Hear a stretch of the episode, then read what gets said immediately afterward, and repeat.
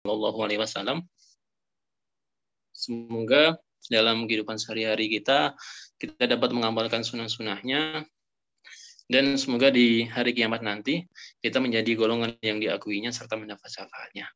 Amin amin ya rabbal alamin.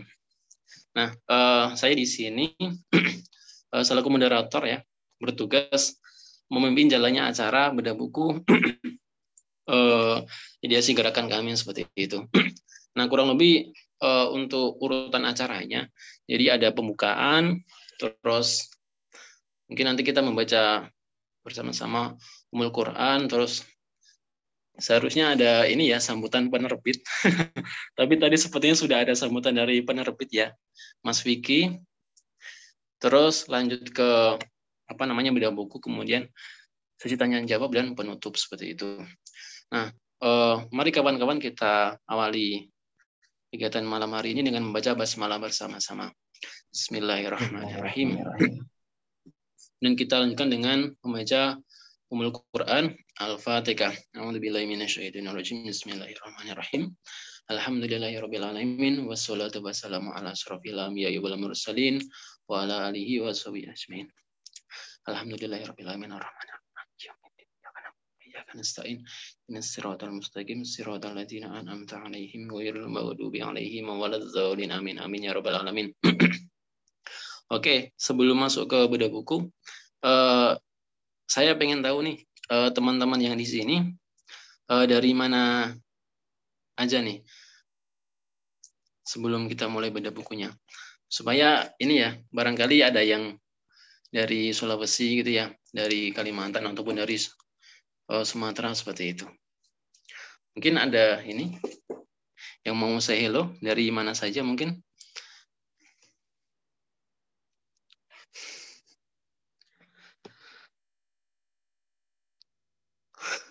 Oke, kalau Mas Umas Ngaji ini kan dari Ternate ya, jauh sekali ya. Dan sekarang sudah jam 22 kalau nggak salah di sana ya. Insya Allah.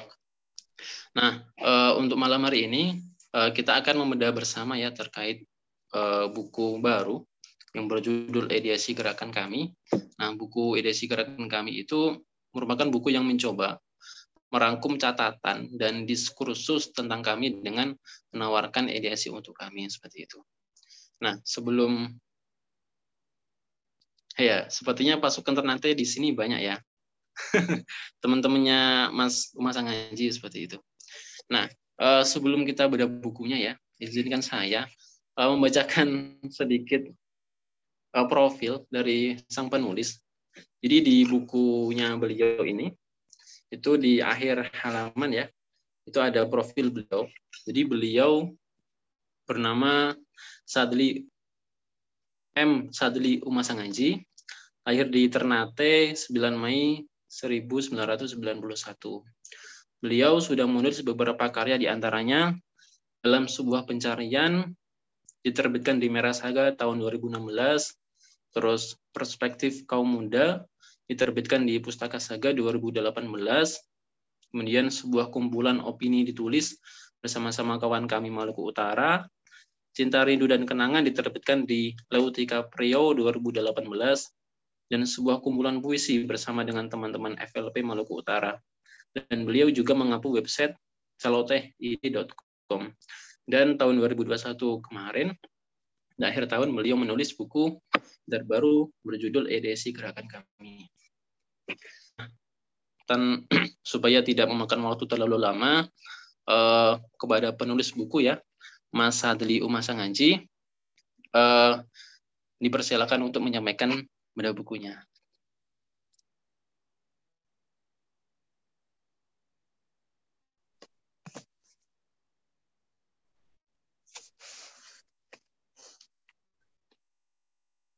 Ya mas, sebelumnya suara saya jelas atau ini mas? Karena saya dengar suaramu agak apa eh, terputus-putus mas suaranya mas. Atau suara saya jelas tidak mas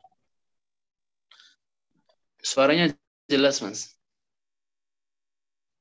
oh iya uh, apa namanya oh iya uh, mungkin saya bisa di share screen atau dari dari teman-teman gajah yang screen. Oh iya, ya sebentar. Kayaknya ini zoomnya ini nggak bisa. Ya, jadi eh, dari di Gaza kami share screen kan saja ya, Mas. Oh iya, Mas. Ya, ya. Oke, sebentar. Maklum. Ini zoomnya zoom gratisan sebenarnya. Zoom gratisan tetapi apa Zoom education. Bentar, kami buka dulu. Oke. Oh iya, mungkin sambil apa menunggu saya sedikit mengenalkan diri saya. Uh, saya mungkin sebelumnya aktif di PW kami Malut dan saya itu melanjutkan studi di sosial dan aktif di PW sosial periode 2000 uh, terakhir 2021 ya.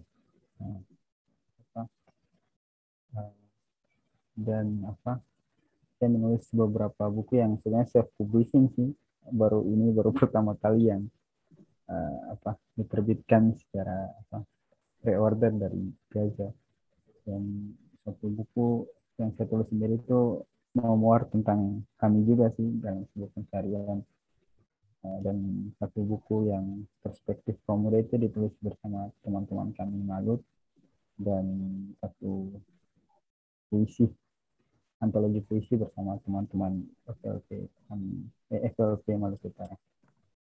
Nah, mungkin uh, uh, saya mungkin coba uh, membuka sedikit apa sebelum kita online kita sama-sama melafazkan basmalah seperti bagaimana umumnya. Bismillahirrahmanirrahim.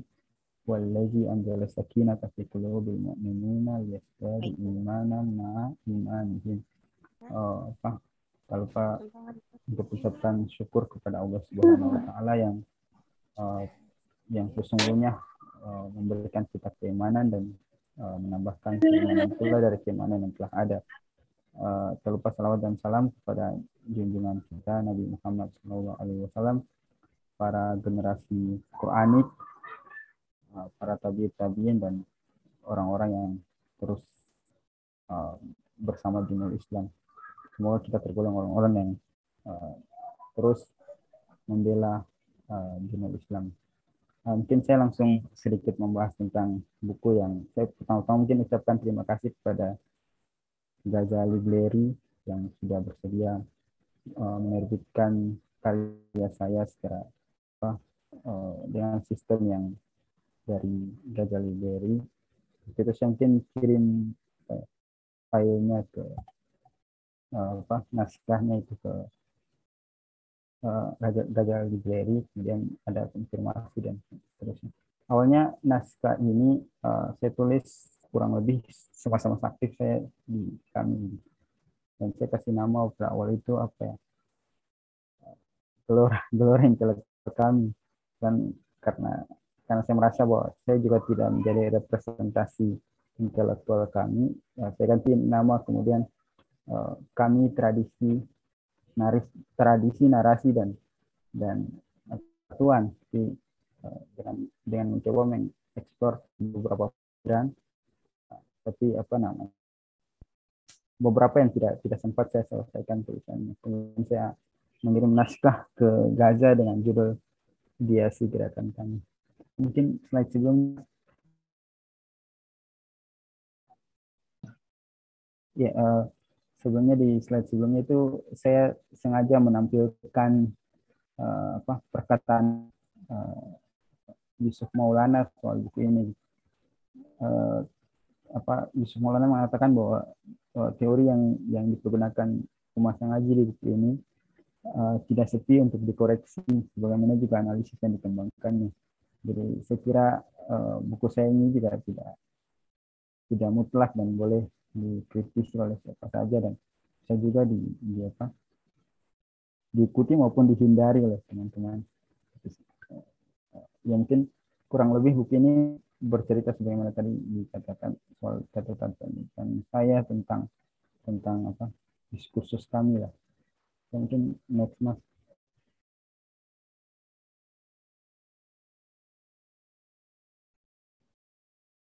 ya bisa next mas saya ya, kemudian ada saya sengaja menampilkan uh, beberapa gambar buku di sini. Soal, apa? Buku-buku kamian mungkin di sini juga ada beberapa buku Mas Kiki. Uh, beberapa buku senior senior kami yang lama. Uh, apa namanya?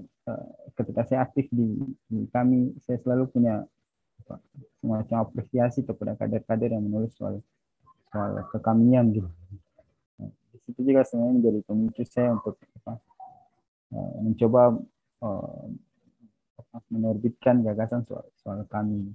Bahkan kalau kalau seandainya Gajali tidak tidak menerbitkan, mungkin saya dalam suatu waktu akan menerbitkan secara self publishing. Cuman alhamdulillah mungkin Gajali jadi memfasilitasi itu. Uh, bisa next mas.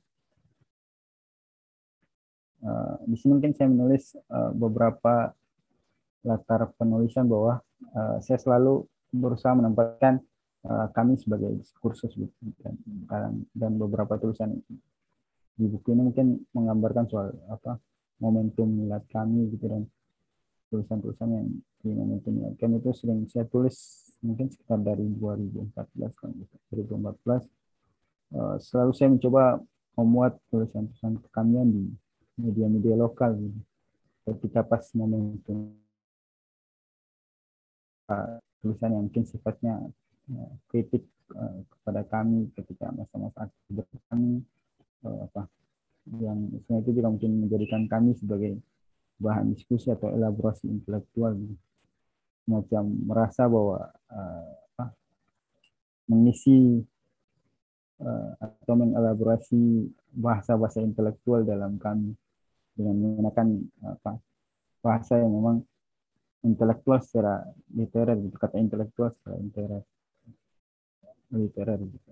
kemudian ada diskursus uh, di website kami kultural dan juga beberapa tulisan yang yang uh, ditulis ketika momentum musyawarah dan juga muktamar. Mungkin next mas uh, saya mencoba memasukkan uh, alur kesadaran dalam berkader sebagai gambaran proses saya menulis beberapa tulisan gitu. Karena saya selalu merasa bahwa ketika kita awal masuk di kami itu ada proses apa semacam rekonstruksi dan dekonstruksi gitu. Rekonstruksi dan dekonstruksi pandangan. Misalkan kita menjadi apa manusia yang punya suatu apa sesuatu yang dinegasikan kemudian ada kesadaran yang kita afirmasikan kemudian masa ketika kita mulai mencoba aktif di kami itu ada semacam apa masa ketika kita bergelut dan uh, berimajinasi secara pemikiran gitu kan. Di sini kan uh, beberapa apa semacam uh, menulis bahwa saya tulisan-tulisan di sini uh, terkesan kontradiksi. Karena ada satu waktu saya mengutip, mengutip gagasan dari tokoh-tokoh uh, IM, tokoh-tokoh uh, atau yang relevan dengan gerakan-gerakan terbiaya di situ waktu saya mengutip uh, gagasan-gagasan kiri yang sebenarnya kurang kurang relevan dengan gerakan terbiaya. Kemudian di uh, satu satu waktu saya dengan apa usia berkembang di kami saya merasa bahwa kita sebenarnya perlu fokus saja soal masalah uh, apa spesialis kita menjadi apa gitu spesialis atau generalis dan dan apa itu bisa difasilitasi oleh STMS kami atau kader-kader kami memfokuskan dirinya sebagai apa. Ya, mungkin next mas. Ya next. Ya, ini mungkin hanya sekedar gambaran dari apa daftar isinya tentang apa uh, beberapa subtopik atau sub, sub apa tulisan di setiap apa tulisan-tulisan sini mungkin uh, beberapa hal saya sebenarnya mencoba uh, semacam uh, apa, meredefinisi intelektual organik dalam dalam tubuh kami sebagai gerakan tarbiyah gitu. Dan di satu waktu mungkin saya lebih lebih banyak uh, mengulas soal bagaimana masyarakat yang diharapkan oleh kami dan lebihnya itu soal soal apa? Pergulatan pergulatan atau dinamika dinamika yang, yang kondisional terjadi di kami. Dan terakhir mungkin saya lebih mencoba mengelaborasi kayak bagaimana sastra di kami. Mungkin fase-fase yang lebih terjadi di, di saya sekarang itu. Maksudnya uh, tidak lagi eh, apa namanya kayak lebih lebih memandang kami lebih lebih lebih fun gitu kayak bagaimana sastra di kami dan, dan sebagainya yang sudah tidak lagi melulu berdebat soal soal bagaimana intelektual kami. Oke, next mas. Nah, uh, ini sekedar gambaran skema saja. Uh, setelah saya selesai, uh, setelah fix buku ini mau diterbitkan oleh Gagal Zeri, kemudian saya terpikir bagaimana membentuk skema dari buku yang telah saya tulis ini. Walaupun ini hadir ketika telah, telah selesai saya menulis kurang lebih seperti ini yang yang apa tergambar dalam apa dalam imajinasi saya tidak ada tradisi kultural itu membentuk uh, diskursus kader, dialektika kader, kader punya apa, kebiasaan membaca, menulis dan sebagainya. Kemudian terpatri dalam paradigma gerakan. Nah, ada budaya-budaya lain semacam intelektual organik, intelektual kolektif, kemudian uh, sarana-sarana lain seperti sastra kami. Ini semua akan membentuk uh, apa namanya diskursus kamian ya. Jadi ada karya sebagai dialektika dan sekaligus citra dan eksistensi. Nah, ini beriringan ke muslim negarawan. Nah, muslim negarawan saya mengulas dia menjadi apa? Ada tiga bahasa nih, kontradiktif, normatif dan juga futuristik. Kontradiktif orang-orang yang orang-orang di cuma memandang bahwa uh, muslim negarawan itu uh, kecenderungan untuk menempatkan kader uh, kepada apa sesuatu yang sifatnya sangat politis atau politisasi di kami. Jadi ada harus ada beyond politik. Secara normatif teman-teman yang di kami memandang bahwa politik kami itu soal politik nilai, soal moral, soal asas perjuangan, soal kesadaran gerakan politik dan lainnya dan bahkan suatu suatu fase di mana orang sebagai aktivis kemudian jadi politisi itu sebagai fase yang biasa. Kemudian ada futuristik.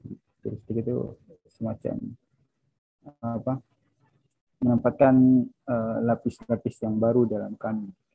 Gagasan-gagasan aktivis dan mungkin kontribusi-kontribusi soal kita menjadi generalis atau uh, di sini kemudian saya mencoba membagi tahapan-tahapan yang saya sudah ditulis Anies Mata yang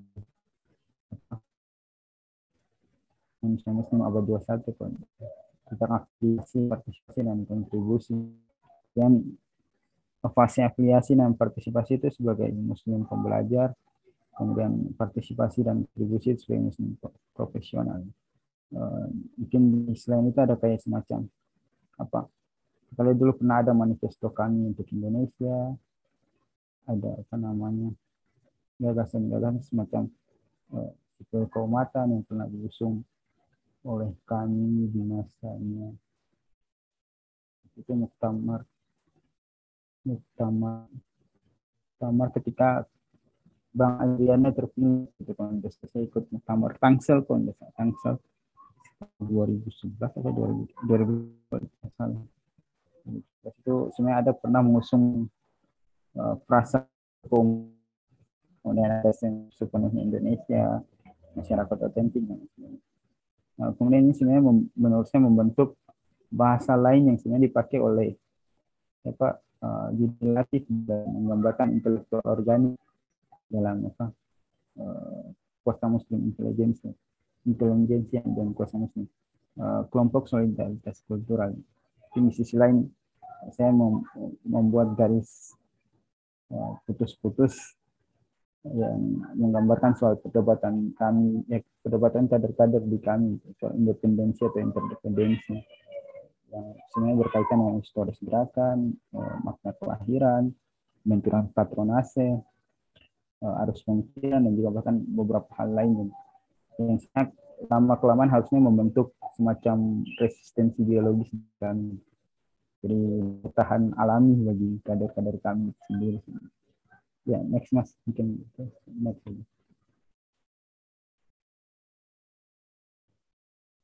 Nah, ini sebenarnya hanya sekedar apa? Pengantar dari uh, uh, Pak Yusuf Maulana ya. Karena ada beberapa gagasan sebenarnya eksekutif dari Yusuf, Pak Yusuf gitu. Pak Yusuf juga yang mengistilahkan semacam fundamentalis rasional dan beberapa redaksi ya, frasa yang sebenarnya menurut saya menarik. Uh, apa di pengantar Pak Yusuf menyebutkan semacam apa ya menjadi fundamentalis yang lain atau konservatif yang lain. Ini mungkin semacam saya menggambarkan semacam apa tradisi kultural kami. Uh, apa, tradisi kultural kami kan menurut saya uh, uh, sebenarnya kita membutuhkan semacam apa, gagasan lain dari sekedar gagasan-gagasan politik seperti apa perlu adanya karya-karya kader, lembaga-lembaga intelektual kader dan lain sebagainya dengan apa bagaimana uh, tulisan apa Anies Mata dalam bukunya uh, apa yang, yang kecil uh, mencari pahlawan Indonesia. Nah, jadi membagi atas uh, apa pahlawan kejayaan dan pahlawan apa ya pasti cuma ini dia asumsikan terhadap uh, pahlawan kejayaan itu butuh sesuatu yang perfeksionis. Jadi masa-masa di mana uh, umat umat muslim itu uh, apa punya uh, spesialisasi tertentu dan juga punya apa kreativitas dalam bidang bidang tertentu.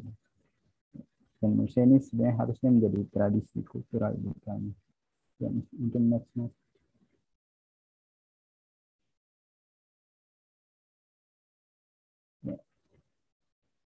Uh, dalam tulisan tentang apa uh, tradisi kultural kami saya berasumsi bahwa sebenarnya yang menjadi tradisi dasar kita itu harusnya manifestasinya adalah uh, berbagai gagasan tradisi menulis menulis di internal kader mendiskursuskan soal apa bahasan-bahasan kekamian, keislaman, bahkan masalah-masalah Indonesia masalah-masalah bangsa.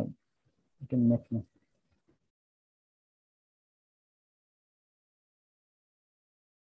uh, ya uh, apa namanya dan dalam beberapa tulisan sebenarnya saya menspesifikkan bahwa uh, mencoba mendiskursuskan tentang uh, menjadikan intelektual meredefinisi gitu lah semacam bagaimana intelektual organik di di dalam kami gitu. Jadi saya selalu menempatkan bahwa uh, sebagaimana kata-kata Gramsci bahwa dalam sebuah organisasi itu membutuhkan seorang yang elaborasi soal konseptual dan filosofis gitu walaupun mungkin dalam konteks tertentu ini dianggap sangat sangat awam amang eh, apa awang-awang gitu. Banyak imajinasinya tapi sedikit tindakan. Dan di satu sisi sebenarnya hal-hal seperti ini juga eh, dibutuhkan oleh kami gitu untuk misalnya untuk masa daya tahan yang lebih lama gitu. ya, mungkin next sebuah organisasi mungkin harus berakar pada apa narasi pemikiran. Uh, kemudian dalam beberapa uh, tentang elaborasi musim pembelajaran tradisi intelektual, saya menulis soal asumsi spesialis dan generalis. Di titik mana menurut saya uh, ini akan menjadi perdebatan-perdebatan di internal kami, di internal-internal kader gitu bos. Kita mau jadi konsep si muslim yang seperti apa yang yang apa eh, spesialis atau generalis gitu. dan kemungkinan para aktivis cenderung akan menjadi sangat generalis gitu. dia punya basic pendidikan tertentu tapi uh, concernnya pada hal-hal hal-hal tertentu yang lain gitu. jadi memahami uh, apa uh, uh, sedikit hal untuk banyak hal jadi dia tidak tidak menjadi spesialis gitu uh, untuk apa banyak hal untuk sedikit hal. Jadi uh, sebagaimana uh, pendapat Edward Westlake dalam bukunya Peran Intelektual dia sendiri dia menyelesaikan pendidikan soal pendidikan formal soal soal seni kalau seni musik. Tapi dia menamakan dirinya sebagai seorang seorang apa generalis gitu. Karena keberpihakannya kepada kepada Palestina pada isu politik Uh, jadi saya mengasumsikan bahwa kita seharusnya menjadi seorang seorang apa ya seorang uh, muslim profesional tapi punya kesadaran generalis gitu. kita menjadi spesialis tapi di satu tertentu di titik tertentu kita menjadi sangat generalis kalau uh, di kami mungkin kita menjadi generalis ketika menjadi aktivis kemudian menjadi uh, pada masa-masa tertentu menjadi politisi itu kan sangat generalis tapi kalau kita memilih fokus terhadap uh, spesifikasi keilmuan kita dan sebenarnya kita akan cenderung menjadi seorang yang spesialis tapi di satu waktu akan menjadi sangat sangat apa eh, di satu waktu kita kan sangat ya kita perlu menjadi spesialis atau muslim muslim profesional tapi tidak melupakan sisi-sisi generalisme. Ya mungkin maksudnya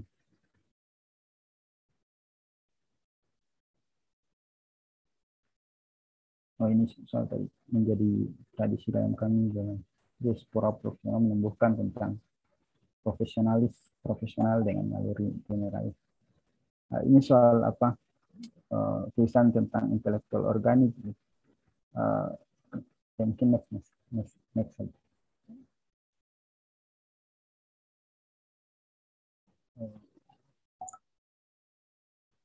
ya, yeah, next ini uh, di satu sisi sebenarnya uh, gagasan tentang menyertai intelektual organik itu saya dapat dari uh, diskursus atau eh, diskusi diskusi mengenai uh, diskusi mengenai apa namanya uh, diskusi mengenai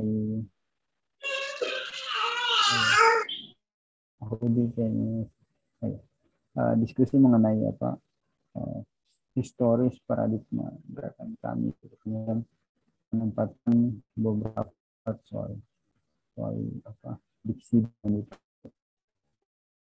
gerakan kami. Kemudian Yusuf Maulana menyebutkan bahwa ketika kami itu dibuat di apa dikonsepkan yang uh, bagaimana membentuk intelektual organik gitu. Walaupun apa definisi intelektual organik yang, yang apa Pak Yusuf dan teman itu dijelaskan kalau apa kita tahu intelektual organik Gramsci kan punya identik kan buruh atau kelas gerakan dengan mengkonsepkan dirinya kemudian apa apa menjadi semacam kelas yang bertentangan dengan kelas di atasnya. Cuma yang Gramsci dan Marxis yang lain itu karena dia uh, uh, bahwa penyelesaian masalah itu bukan karena urusan sejarah gitu semacam Marx yang Marx yang lain yang yang mengasumsikan bahwa hegemoni uh, hegemoni itu terjadi karena uh, perlu diselesaikan oleh kelas-kelas buruh sementara uh, Gramsci mengasumsikan bahwa penyelesaian masalah-masalah uh, apa itu harus tumbuh dalam tumbuh kesadaran di berat akar akar akar rumput atau kelas grassroots yang yang menumbuhkan kesadaran. Kemudian uh, saya melihat bahwa uh, kata-kata kunci yang mirip dengan intelektual organik sebenarnya kan ada intelektual profetik dan mungkin dipakai oleh apa yudilatif dengan apa kelompok solidaritas kultural.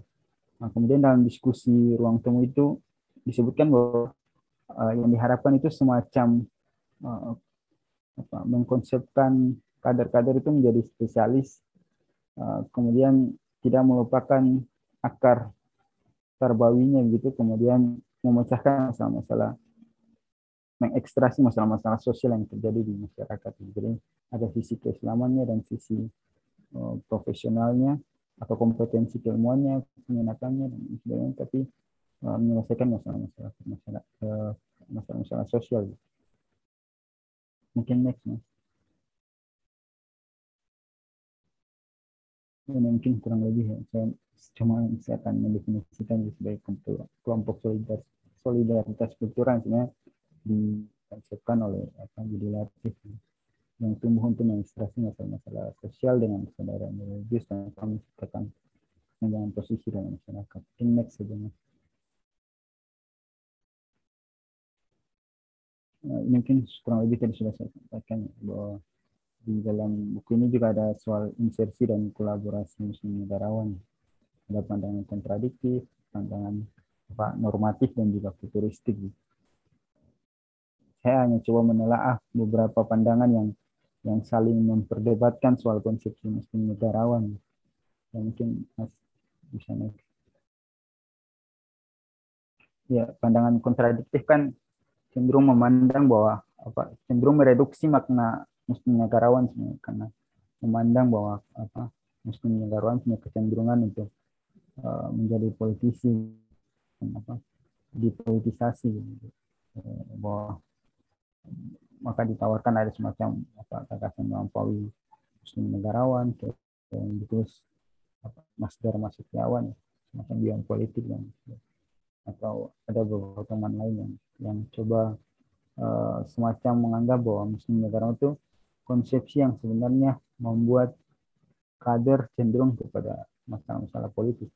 Ya, nah, sementara kalau yang normatif sebenarnya memandang uh, bahwa politik di kami sebenarnya bukan cuma politik pragmatis gitu, tapi ada politik nilai di dalam, ada asasi pangan, ada apa peran berkader yang memang bahwa masalah-masalah masalah-masalah kenegaraan itu harus diselesaikan karena fasilitas-fasilitas ruang politik eh, yang kemudian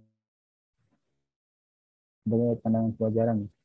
Sementara saya mendefinisikan pandangan futuristik itu bahwa uh, ada beberapa yang mengkonsepkan lapis-lapis itu dalam dalam kami yang dipakai semacam uh, Bang Kartika yang misalkan lapis intelijensia atau uh, Bang Arief Susanto yang mendefinisikan tentang aktivis gitu. bagaimana gerakan dampak aktivis terhadap lingkungan sekitar yang mungkin next saja mas ini cuma semacam uh, apa uh, menyebutkan bahwa muslim orang itu kolaborasi dari muslim pembelajar sekaligus muslim profesional muslim pembelajar sebagai apa internalisasi nilai-nilai muslim negarawan sedangkan muslim profesional itu ruang kontribusi dari nilai-nilai muslim negarawan. Akhirnya kita akan menjadi muslim profesional gitu ya. Dan muslim pembelajar sebagai uh, mungkin hanya sekedar pandangan-pandangan yang ini saya bawa sebenarnya muslim itu harapan futuristik pada orang-orang yang memilih bertani kemudian mengimajinasikan sekaligus menguatkan proses internalisasi nilai-nilai itu sebagai realitas dalam menjawab tantangan umat. Juga input output sekaligus harapan kita di proses kita dalam bertani. Ya, next. next.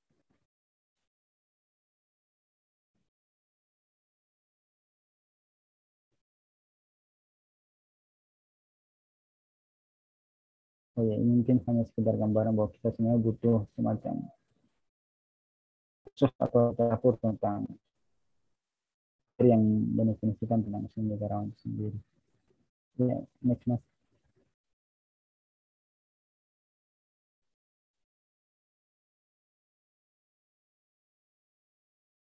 Uh, ya ini mungkin beberapa pandangan yang yang apa yang muncul dalam beberapa yang saya lihat dari buku ini ya. Nah, buku ini uh, bagi saya sebenarnya perwajahan pergulatan dalam diskursus kami. Perwajahan dalam artian apa ya? Kayak menggunakan bahasa intelektual organik, ada beberapa beberapa diksi yang sebenarnya uh, apa tidak terlalu relevan di kami. Jadi ini hanya sekedar perwajahan dalam pergulatan, bahwa sebenarnya kadar-kadar kami bisa juga menggunakan istilah-istilah diksi-diksi uh, kiri, gitu, diksi-diksi kiri tanpa meninggalkan asasinya. Yang kedua, uh, semacam meredefinisi, ya. mungkin saya mencoba semacam mendefinisikan intelektual organik yang sebenarnya mungkin uh, apa ya tidak tidak tidak tidak menelan mentah-mentah istilah intelektual organik yang dipakai oleh Gramsci itu sendiri dan mungkin lebih lebih lebih relevan dengan sila sila kelompok solidaritas kultural yang di, ditawarkan oleh siapa uh, judilatif dalam bukunya tentang intelijensia muslim dan kuasa. Dan kemudian dalam ini sebenarnya saya tidak bermaksud juga mereduksi esensi dari gerakan tarbiyah dalam kami artinya uh, menghindari misalkan kader yang membaca ini kemudian tidak tidak memahami bahwa uh, buku ini sebenarnya sebagai perwajahan pergulatan gitu kadang-kadang kami bisa mendiskusikan mendiskursuskan gerakan gerakan kiri sekaligus mengkritisi gerakan kiri gitu. kalau kita tidak akan bisa memahami gerakan kiri kalau tidak minimal membaca beberapa literatur ini tapi mungkin lebih lebih lebih apa ya lebih mengenal soal bagaimana mendefinisikan intelektual kiri kayak intelektual organik dan beberapa bahasa lain termasuk sosialisme religius ya uh, gagasan-gagasan di sini sebenarnya lebih kepada cara berpikir bagaimana menemukan alternatif gerakan profesional dalam kami sebagai gerakan kultural oh, ya. jadi saya harapnya sebenarnya di beberapa sesi beberapa tulisan lain itu saya sebenarnya lebih lebih spesifik bagaimana semacam menumbuhkan uh, alternatif ada dengan spesialis. Uh, ya. Uh, kalau seandainya buku ini mereduksi esensi seorang kader yang gerakan terbiasanya, kalau saya ngira sebenarnya dihindari saja. Karena saya tidak bermaksud untuk mereduksi asasi gerakan terbiasa dalam kami karena buku ini. Atau dipandang buku ini sebagai apa? Perluasan alternatif bacaan bacaan lain di luar bacaan tarbiyah. Saya tidak bermaksud seperti itu. Uh, dan apa ya mungkin di poin-poin akhir saya sebenarnya lebih lebih lebih banyak menulis kami dengan warna yang lebih santai kayak bagaimana sastra kami dan ruang-ruang yang ruang-ruang yang mau bilang mau dibilang santai juga tidak sih kan bacaan-bacaan sastra tertentu juga juga cukup berat gitu tidak menyanyi sastra kan bukan soal soal populis atau soal bacaan yang menyanyi tapi ada beberapa bacaan lain yang sebenarnya cukup uh, cukup termasuk juga sama kayak buku-buku pemikiran yang lain. Kayak contoh buku uh, karya Maxim Gorky soal apa? Ibu bunda. Itu kan sebenarnya menceritakan soal bagaimana gerakan gerakan apa? Gerakan kiri yang ada di, di Rusia pada waktu itu Uni Soviet pada waktu itu.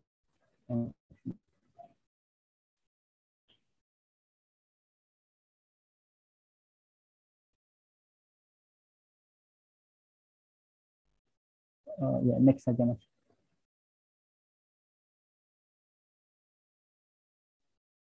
Uh, ini alternatif wacana lanjutan dari buku ini yang pertama mungkin uh, alternatif atau ide tentang apa gerakan profesional atau gerakan kompetensi kader dalam dalam kami sebagai gerakan kultural.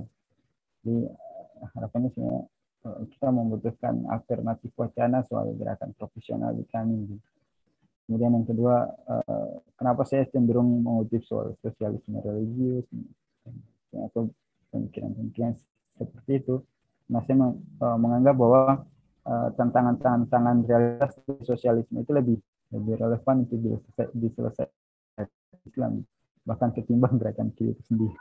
Karena gerakan Islam yang yang yang apa namanya yang yang yang berakar dari masalah-masalah sosial itu lebih lebih murni dalam menyelesaikan masalah-masalah realitas masyarakat ketimbang mohon maaf ketimbang teman-teman kiri itu sendiri. Kalau menurut saya seperti itu karena akhirnya kita membutuhkan wacana semacam semacam itu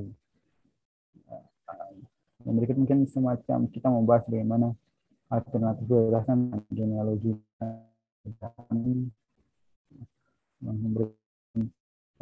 membahas atau mendiskursuskan interdependensi pemikiran dalam gerakan tarbiyah sebagai mainstream pemikiran kami. Jadi misalkan ini kita lihat dia punya mainstream pemikiran yang yang cenderung kepada Holis Majid atau tokoh-tokoh yang lainnya. Yang paling dominan ya sebutlah mainstream pemikiran Holis Majid. Teman-teman PMI yang cenderung kepada apa? Kiai Kiai NU. Sementara kita di kami itu hampir tidak ada mainstream pemikiran. Kalau kita sadari kan hampir tidak ada mainstream pemikiran yang, yang ditawarkan oleh kami.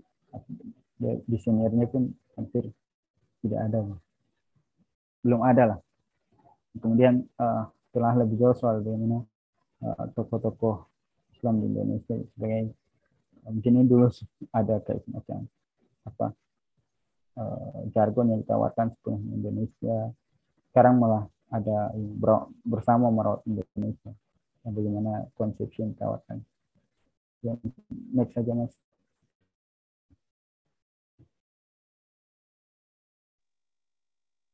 yang ini hanya sekedar apa gambaran tadi ya saja next, next.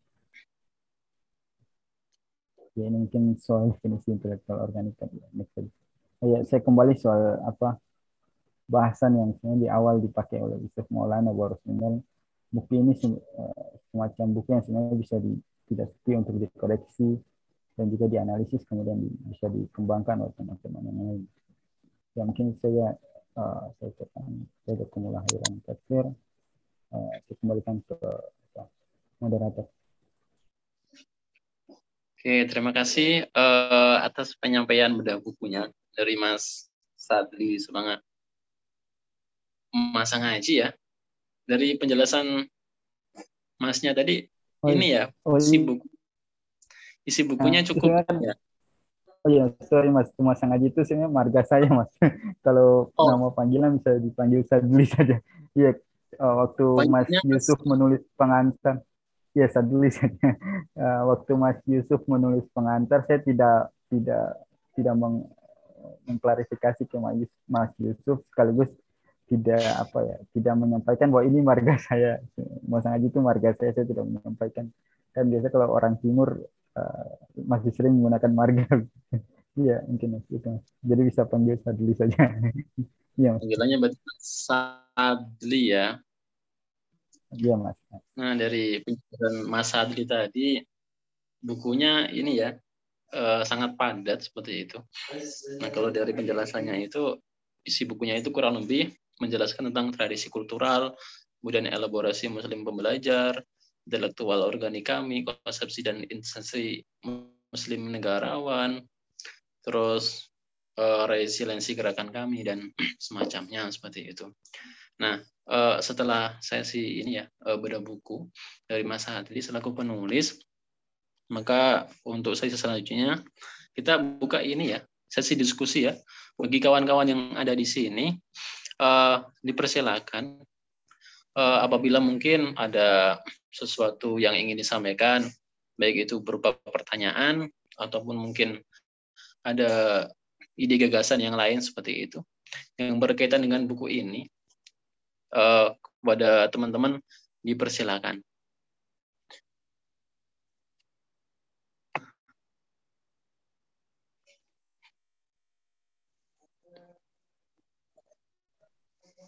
Tes tes.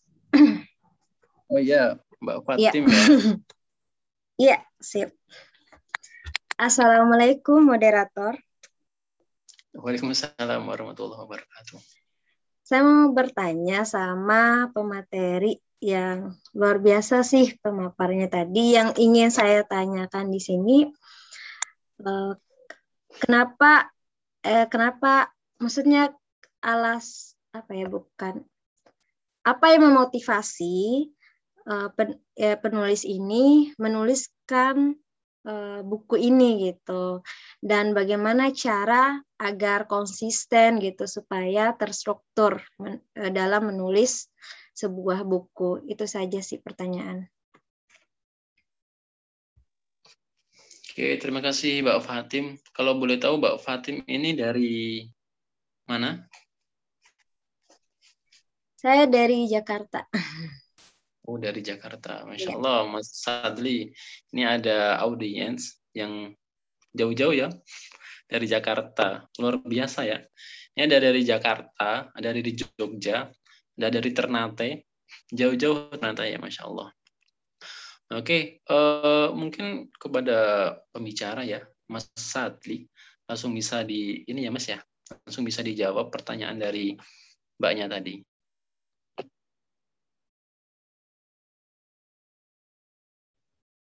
Uh, ya uh, tadi pertanyaannya bagaimana menulis agar uh, lebih terstruktur ya. Uh, mungkin saya coba atau motivasi menulis dan motivasi menulis ya. Saya seperti yang saya sebutkan tadi uh, saya yang paling motivasi saya sebenarnya kan buku-buku kekamian yang lainnya kekamian kayak apa uh, mungkin ada pergulatan kami dan masih dan beberapa buku lain buku-buku lama yang yang saya baca dan saya semacam punya keinginan kuat untuk menulis soal kami. Dan itu uh, sebenarnya tulisan saja tidak terstruktur yang yang monoton ditulis dalam satu waktu. Terstruktur arti menulis dalam satu waktu. Dalam, dalam satu tahun itu full menulis untuk menyelesaikan itu uh, tidak tidak seperti itu juga sih. Uh, saya menulis karena sebenarnya uh, secara apa ya secara apa istilahnya tidak terstruktur juga tapi bahasanya menjadi cenderung terstruktur karena saling saling saling terkait saja gitu uh, di bahasan awal saya menulis soal intelektual organik, organik dan kemudian dalam bahasan lain tanpa sadar itu juga juga ter, ter apa, termaktub gitu tercakup dalam tulisan-tulisan yang lain. Dan kalau range waktu tulisan ini kan sebenarnya ada tulisan yang dimuat di media ada tulisan yang um, dimuat di blog kami ada tulisan yang sebenarnya secara secara tulisannya tidak tidak terstruktur juga. Jadi kalau uh, kita mau menulis secara terstruktur kan otomatis harus ada ide yang terus berjalan dalam waktu tapi yang paling motivasi saya sebenarnya itu soal bagaimana saya mencoba men, uh, ketika ada ada kader yang mendiskusikan soal kami ada buku-buku kami yang saya punya apa ya, semacam keinginan kuat untuk punya buku soal kami sebagai sebagai apa semacam uh, imajinasi saya soal berkami saja.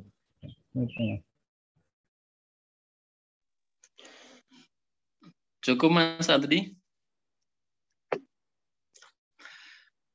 Nah, itu ya, Pak, jawaban dari Mas Adrinya. Kemudian, kemudian uh, apakah dari Mbaknya? Mbak Fatim ya? Uh, mungkin ada tanggapan, Mbak? Ya, makasih moderator, alhamdulillah cukup. Oke, alhamdulillah ya, berarti sudah terjawab ya pertanyaannya. Kemudian lanjut ya, eh, bagi teman-teman yang ada di sini, eh, monggo banget apabila ada sesuatu yang disampaikan, baik berupa pertanyaan maupun eh, gagasan ya, atau argumentasi, monggo banget kepada teman-teman bisa disampaikan di sini. Bisa lewat chat atau bisa berbicara langsung lewat mic ya. Nah, ini ada pertanyaan dari Mas Abdul Munir. Saya bacakan ya pertanyaannya. Assalamualaikum. Apa saja tantangan tantangan Kanda dalam penulisan buku tersebut? Jadi eh, yang bertanya itu menanyakan kepada Mas Adli, apa aja sih Mas tantangan dalam menulis buku ini gitu? Nah, pertanyaannya bisa ditangkap ya Mas ya. Nah, kepada Mas Adli ya, monggo aja Mas, monggo Mas di uh, dijawab pertanyaan yang iya. tadi. Oh ya ini apa saja tantangan dalam penulisan buku ini? Uh, apa ya? Pada waktu itu sebenarnya kan seperti yang saya bilang tadi, tulisannya sebenarnya tidak tidak tidak terstruktur juga ya. Artinya uh, apa tidak diselesaikan dalam satu waktu. Tapi bagian dari diskursus saya dalam harian berkader di dalam berkami uh, tantangan uh, beberapa kan kendala ya mungkin uh, saya tidak tantangan ya mungkin saya tidak tidak kalau tantangan mungkin saya tidak secara maksimal men, men, mendefinisikan misalkan awal-awal saya misalkan kayak buku bahasa intelektual organik kan awalnya saya mendapatkan dari buku Bang Fahri ya tentang pasar negara dan rakyat itu sebenarnya tidak mendalam. Kemudian saya lama-lama bergelut dengan teman-teman di kultural dan membaca buku Gramsci, membeli buku Gramsci yang prison book. Gitu. Saya lihat uh, jadi tantangannya mungkin uh, dalam beberapa beberapa literatur mungkin saya terkesan kurang mendalam karena ditulis dalam satu waktu dan tulisan lain ditulis dalam waktu yang lain. Uh, mungkin itu sih tantangannya. Soal yang kedua mungkin apa ya? Tantangan yang kedua mungkin tulisan ini temporal dalam waktu tertentu saja gitu. Kayak sipil keumatan sekarang mungkin sudah tidak dibahas lagi di kami dan apalagi bahasa tertentu yang sebenarnya uh, temporal pada waktu-waktu sebelumnya saja masih itu soal sipil keumatan dan beberapa bahasan lain yang mungkin dalam suatu waktu ke depan mungkin bisa menjadi pandangan tapi bisa jadi dia sudah tidak relevan dalam konteks tertentu ya, mungkin tantangannya itu saja Oke, terima kasih atas jawabannya Mas Adli. Nah, eh, kepada Mas Abdul Munir, bagaimana Mas eh, jawabannya tadi? Mungkin ada tanggapan? Atau cukup?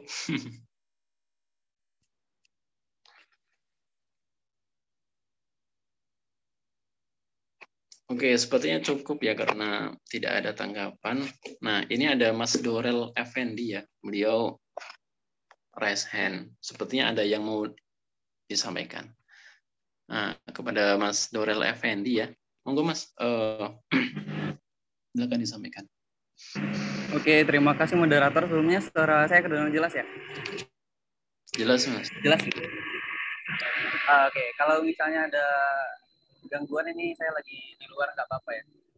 Sebelumnya, sebelum perkenalkan nama saya Dorel Effendi ya, saya kader kami dari Jambi uh, berbangga ya bisa berdiskusi dan dan mendengarkan paparan dari Bang Satli ya, Bang Satli Masangan.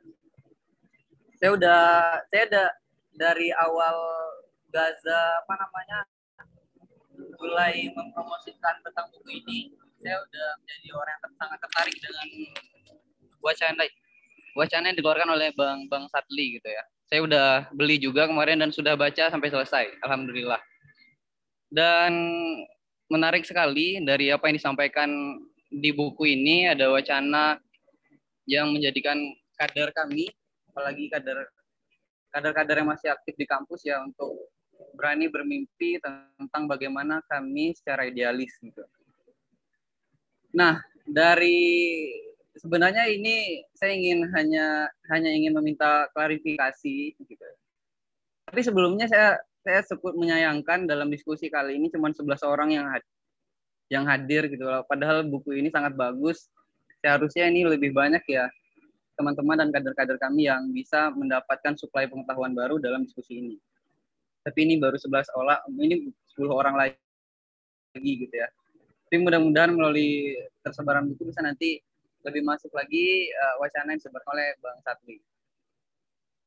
Nah, perihal klarifikasi tadi saya ingin meminta penjelasan saja sedikit ya. Ada semacam eh kalau bahasa Bang Sapli itu ada semacam antigen ya yang nanti akan menghadirkan kami apa ya resistensi kami itu sendiri gitu. Atau dalam filsafat kontradiksi ya, di mana uh, dalam dialektika itu ada kontradiksi yang terjadi. Saya melihat ada kontradiksi itu.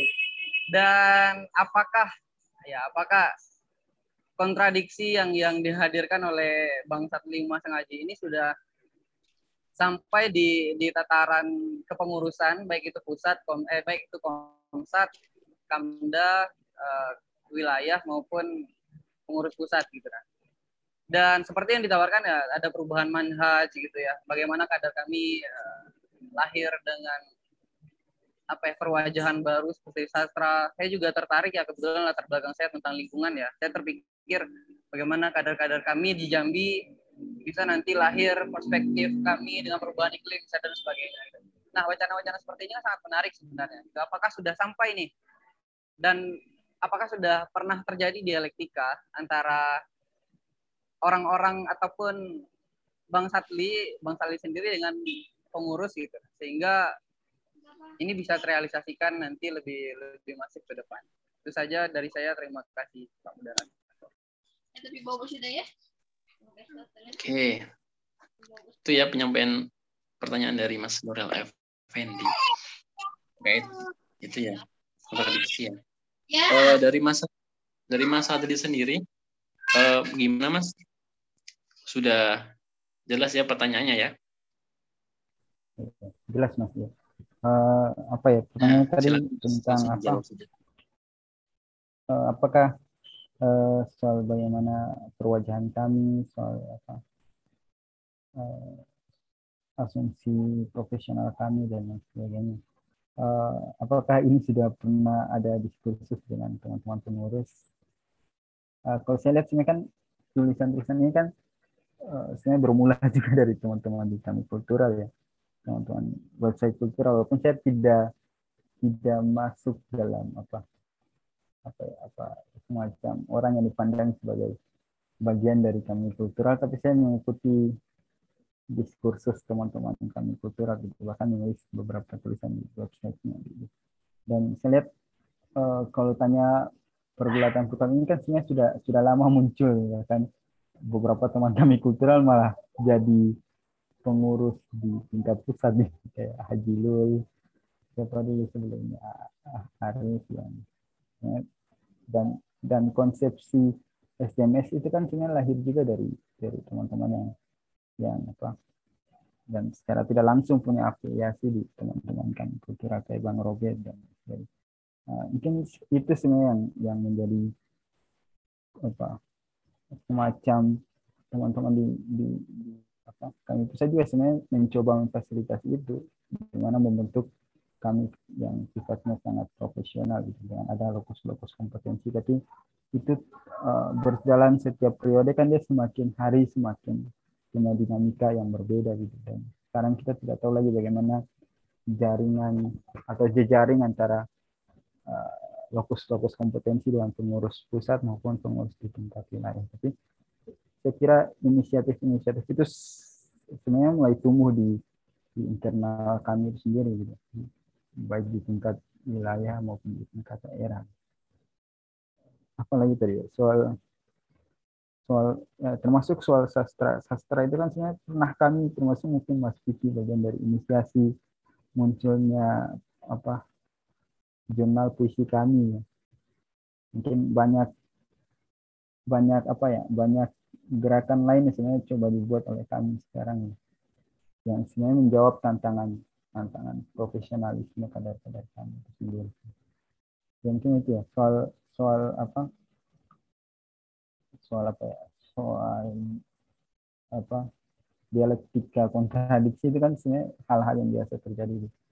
Uh, yang saya tulis di situ kan sebenarnya waktu itu soal antigen kami itu sebenarnya uh, apa ya? Waktu itu ketika saya mengikuti DM3 ya kalau tidak salah dan bang dan bang Andi Rahmat mengisi materi soal soal apa? Soal sebenarnya materinya soal ekonomi tapi karena bang Andi bilang apa ya? Antum ini bicara soal ekonomi Cina ekonomi Amerika. Nah, kemudian beliau bilang kita bicara saja ekonomi kita masing-masing gitu. Ekonomi pribadi masing-masing. Beliau kan pebisnis kemudian dia membagi semacam bercerita cerita lepas gitu dan membagi uh, mazhab-mazhab kader gitu. Atau orientasi kader lah. Kayak ada orientasi kader yang cenderung ke politik ada orientasi yang kader yang cenderung ke profesional dan akademik ya, politik mungkin kita sebut Bang Fahri, Bang Adriana dan bahkan hampir di daerah-daerah juga bang. Nah, kelompok-kelompok uh, akademisi dan lain sebagainya itu mungkin terakhir kayak apa? Yang Najib Muhammad Najib yang sekarang termasuk dalam 100 ilmuwan apa, di Indonesia ya. Nah, mungkin Bang Fitra Asil dan sebagainya. Dan Bang Adi Andi waktu mengatakan bahwa dia bagian dari mazhab tijariyah, mazhab pengusaha, orientasi kader yang pengusaha. Nah, mungkin itu sebagai apa semacam orientasi kader yang yang perlu ditumbuhkan di kami sebagai bagian dari apa dialektika kader itu sendiri. Ya mungkin itu mas. Oke, terima kasih Mas Satri. Uh, dari penanya, Mas Dorel Effendi, Bagaimana Mas uh, tanggapannya atas jawaban yang telah disampaikan? Oke, udah Mas, udah. Oke, sudah terjawab ya Mas ya? Oke, terima kasih Mas Dorel. Nah, lanjut uh, bagi teman-teman yang lain. Cuman bagi saya begini, oh, ya Mas, oh, iya. saya mungkin sedikit menambahkan. Cuman bagi Silakan. saya kita terkadang saya lihat uh, apa ya entah penting atau tidak eh, kadang-kadang uh, uh, di internal kami itu kita sering memberikan uh, jargon atau wacana tapi tidak menjelaskan konsepsinya. Sebenarnya itu butuh butuh semacam narasi yang diperjelas untuk teman-teman di tingkat grassroots, misalnya tingkat tingkat daerah dan tingkat wilayah, gitu. atau minimal tingkat daerah dan tingkat tingkat uh, komisariat. Misalkan kita menawarkan sepenuhnya Indonesia, tapi tidak menawarkan narasinya apa. Kita menawarkan merawat bersama Indonesia, tapi tidak menarasikan. Mungkin ruang-ruang itu yang sebenarnya bisa diisi oleh teman-teman lain yang yang apa ya walaupun bukan sebagai bukan sebagai uh, apa tawaran narasi yang sifatnya tunggal gitu tapi menjadikan itu sebagai diskursus itu yang mungkin termasuk juga semacam mewacanakan gerakan-gerakan profesional di kami juga cenderung cenderung belum ada narasi yang ditulis dengan, dengan api gitu. mungkin itu tantangan-tantangan kita bersama gitu yang meminati hal-hal itu di internal kami. Mungkin itu mas.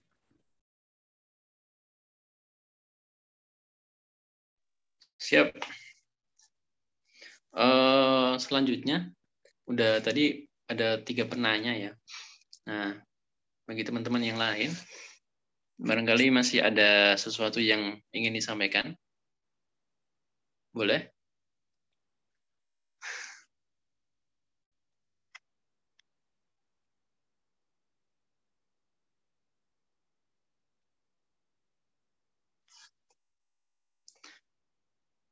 Nah, eh, ini ada satu pertanyaan ya dari Mas Lasahrudin.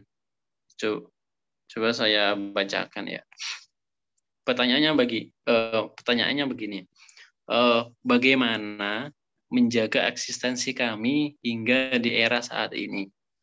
Karena saya melihat kami gamang dengan konsepsi tarbiyah dan berhipotesa dengan banyak ideologi. Jadi saya bacakan satu kali lagi. Bagaimana menjaga eksistensi kami hingga di era saat ini.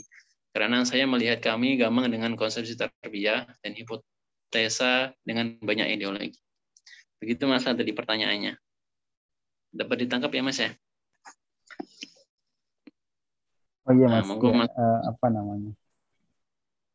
uh, ini pertanyaan sudah bagaimana menjaga eksistensi kami uh, ya mungkin apa ya ketika uh, ketika masa uh, buku ini lahir itu sebenarnya kan bagian dari pergulatan ini ya. Sehingga ma macam bun, uh, muncul uh, banyak wacana sebenarnya keluar atau muncul beberapa gagasan yang sebenarnya dipandang apa, ideologi di luar kami gitu. Apa ya kalau untuk soal extension dalam gagasan buku ini tidak reduksi soal uh, bagaimana uh, genealogi tarbiyah dalam dalam tubuh kami menurut saya itu hal yang sebenarnya sudah menulang gitu dan saya saya pendapat juga dengan uh, Ahlas Sarudin bahwa uh, kami menjadi gamang dan dan itu terjadi di kondisional kita gitu.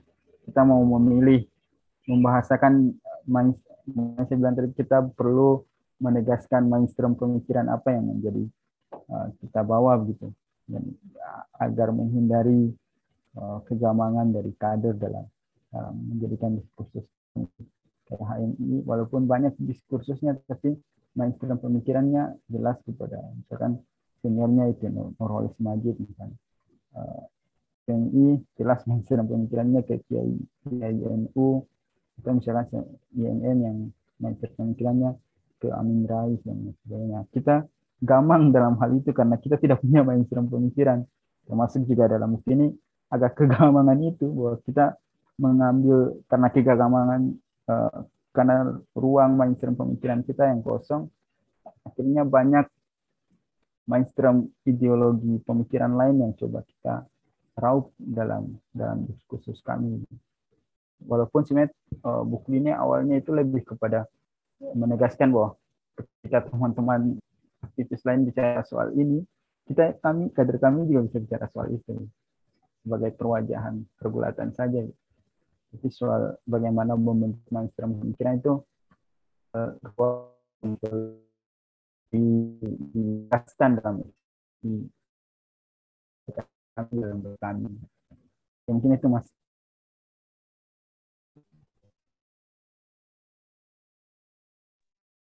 Siap Mas Adli. Oh iya, Lasarudin ikut. Oh iya, Lasarudin ada. Uh, dari penanya, Mas Lasarudin, Lasuci ya. Mungkin ada tanggapan atau cukup? Uh, iya, uh, tanggapannya begini. Kira-kira dengan kegamangan ini, kan jadinya apa namanya uh, kader kami terus berupaya mencari format. Berusaha, berusaha mencari format seperti apa warna kami. Makanya kita selalu berubah-berubah jargon.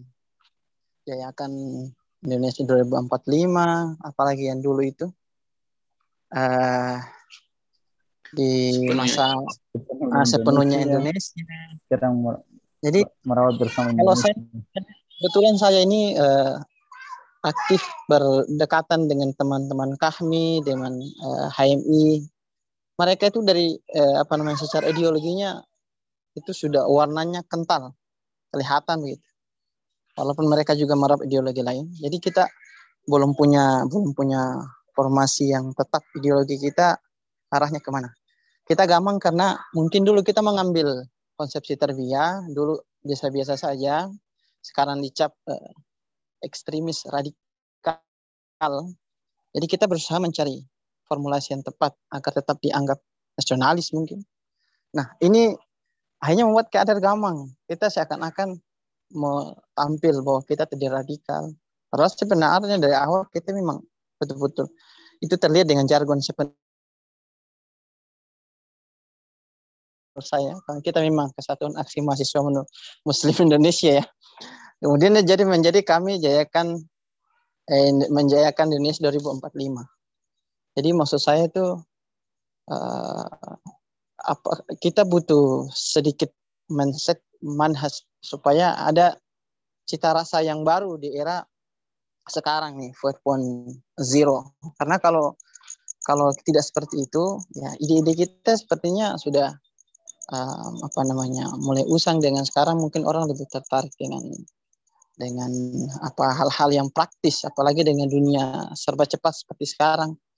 Maka mungkin kita butuh formulasi yang baru maksud saya itu. Karena kalau dulu uh, orang-orang kader-kader kami itu dengan berbagai macam karya misalnya dulu kita bisa bikin nasyid di era musik-musik pop dan dangdut. Kita menghasilkan musik sendiri kita kemudian di masa-masa itu uh, kita bisa mengembangkan apa namanya dulunya namanya desa binaan dan lain-lain. Nah sekarang kita belum ada hal-hal baru yang kita hasilkan. Kita bahkan malah sibuk dengan membangun ideologi seperti apa formatnya di masa sekarang. Mungkin karena tekanan negara juga. Nah ini harus bertindak cepat. Saya kemarin pernah ketemu dengan Ah Adin dari struktur pusat.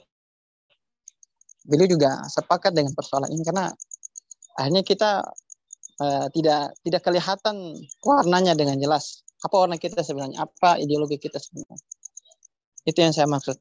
Kira-kira di forum ini mungkin kita bisa ini sebagai pemain kita bisa berpikir bersama. Kalau tidak seperti itu saya yakin kita hanyalah sebuah gerakan yang mungkin hanya membawa ide-ide lama. Sedangkan Nabi saja mengatakan di iklim berbeda. Saya berpikir ini butuh apa namanya butuh formulasi baru. Karena kebetulan saya aktif di kami dari 2011 sampai sekarang jadi melihat berbagai macam fenomena sudah sudah mulai banyak bergeser. Perwajahan kami sudah mulai banyak bergeser. Jadi itu yang saya lihat. Jadi kami hanya sekarang gamang. Gamang. Kita selalu muncul dengan gaya dan model yang berbeda tidak tidak seperti gerakan-gerakan yang lain. Mungkin itu yang yang ingin saya sampaikan. Kira-kira nanti mungkin Bang Sadli bisa merumuskan hal yang baru. Beliau ini banyak hal yang kemudian beliau bisa apa namanya gambarkan saya sudah kebetulan sudah membaca bukunya juga ya begini begitu bang Sadli siap bang Udi sebenarnya kan apa ya saya sama Udi ini sama-sama kepengurusan di kami kota kami ternate kemudian kami wilayah dan diskusi kita memang soal-soal seperti ini kita melihat kader sekarang punya semacam kegamangan gitu soal menentukan pandangan kami ke depan. Mungkin saya kira itu tugas kami semua, tugas semua kader kami gitu untuk bagaimana kalau saya dan saya, saya sebenarnya mungkin agak terpengaruh dengan teman-teman di kami kultural yang yang mengasumsikan soal intelektual organik, sosialisme religius dan sebagainya. Dan uh, apa kan kalau kita lihat perjalanan buku kekamian itu kan ya walaupun sebenarnya kita lebih banyak mengasumsikan mengadopsi apa buku-buku soal IM gitu ya itu kalau dalam uh, buku saya saya mengutip bahasa temannya Pak Yusuf ya kan? Pak Imron Rosyadi ya dia mengatakan bahwa bah, uh, gagasan IM dalam dalam kami itu sudah sudah menulang tinggal kita cari lagi baju yang pas kami. Dan saya kira ini kegamangan kita semua gitu. Mungkin teman-teman dan Mas Vicky atau yang lainnya bisa menulis soal bagaimana perwajahan kami yang lebih Indonesia dan kalau saya bukunya cenderung dipandang pandangan mengadopsi uh, pandangan-pandangan di luar kami gitu dan itu juga tidak Indonesia semacam intelektual organik itu tidak tidak tidak murni sebagai Indonesia dan mungkin ini juga kekurangan dari buku ini ya. Tidak. Saya awalnya memang mencoba menulis soal bagaimana sepenuhnya Indonesia kayak gagasan Hamka di kami dikasih dikaitkan-kaitkan gitu tapi tidak tidak selesai selesai penulisannya jadi saya kira itu mungkin eh, kita perlu mewacanakan mainstream pemikiran lain untuk setidaknya menegaskan eksistensi kami gitu kan sekedar jargon gitu. Ya, tapi ini mungkin tidak tidak semua kader meminati hal-hal seperti ini. Kalau kita lihat kan teman-teman di kami kultural dulu masih memperdebatkan soal independensi ya, kayak bukunya Alita dan independensi, bukunya ya, Heri Murian juga masih seputar bagaimana kami independen dan tidak independen. Atau tulisan Bang Dharma soal bagaimana beyond politik soal kami. Gitu. Mungkin ke depan kita bisa memberikan macam pemikiran pemikiran yang lebih lebih bisa menjawab eksistensi kami. Gitu. Kalau kita mengadopsi gerakan tarbiyah, gerakan tarbiyah yang Indonesia yang bisa menjadikan mainstream pemikiran yang seperti apa? Gitu. Yang Ustadz Rahmat Abdullah kah? Atau Ustadz Hilmi? Atau bahkan juga mungkin yang yang lainnya gitu ya mungkin itu saja mas saya percaya bahwa kita membutuhkan tawaran mainstream pemikiran semacam HMI yang punya Nurholis Majid dan kami belum punya uh, tawaran itu dan mungkin butuh beberapa waktu yang lama gitu. Yang lama untuk menjawab tantangan-tantangan itu yang itu mas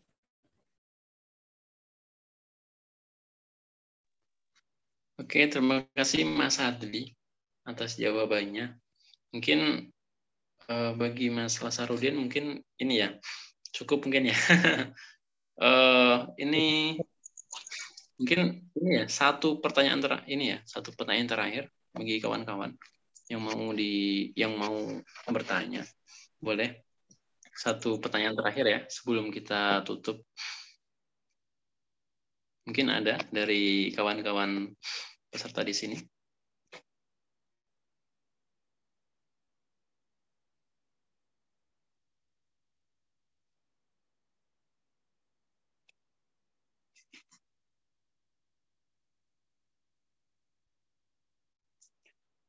Oke, sepertinya belum ada ya. Nah, karena uh, belum ada uh, pertanyaan, uh, maka ini ya uh, sesi bedah bukunya kita tutup dengan close statement ya dari penulis. Mas Adli. Uh, monggo Mas, uh, mungkin ada yang ingin disampaikan sebagai close statement pertemuan pada malam hari ini. Oh iya Mas. Uh, kalau saya uh, sebagaimana apa ya, sebagaimana asumsi Pak Yusuf soal uh, apa uh, paradigma kami itu merucut soal apa gitu. Nah, mungkin buku ini juga sebenarnya kurang lebih uh, mana apa ya, mencoba menerka soal itu.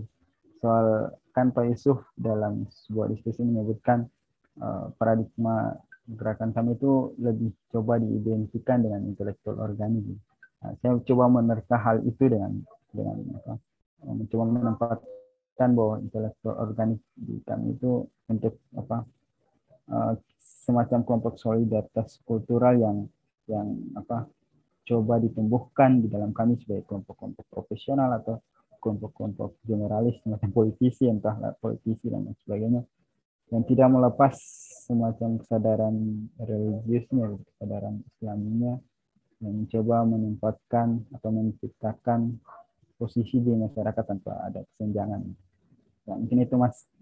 Jadi buku ini coba coba saya saya mencoba memahami apa yang dibilang Pak Yusuf soal paradigma gerakan kan itu relevan dengan intelektual organik.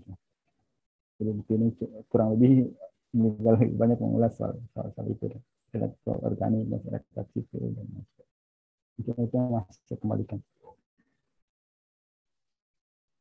Siap, terima kasih Mas Adli atas penyampaian close statement-nya ya. Uh, bagi teman-teman yang sekiranya mungkin masih ada pertanyaan, nanti bisa ini ya, bisa menghubungi penulis secara personal. Boleh ini mas di apa namanya dicantumkan nomor teleponnya mungkin di kolom chat supaya kawan-kawan yang di sini apabila ingin menghubungi Mas Adli ya bisa lewat WA atau media yang lain seperti itu supaya ini juga sih silaturahminya ini ya terjaga ya dan membangun relasi seperti itu.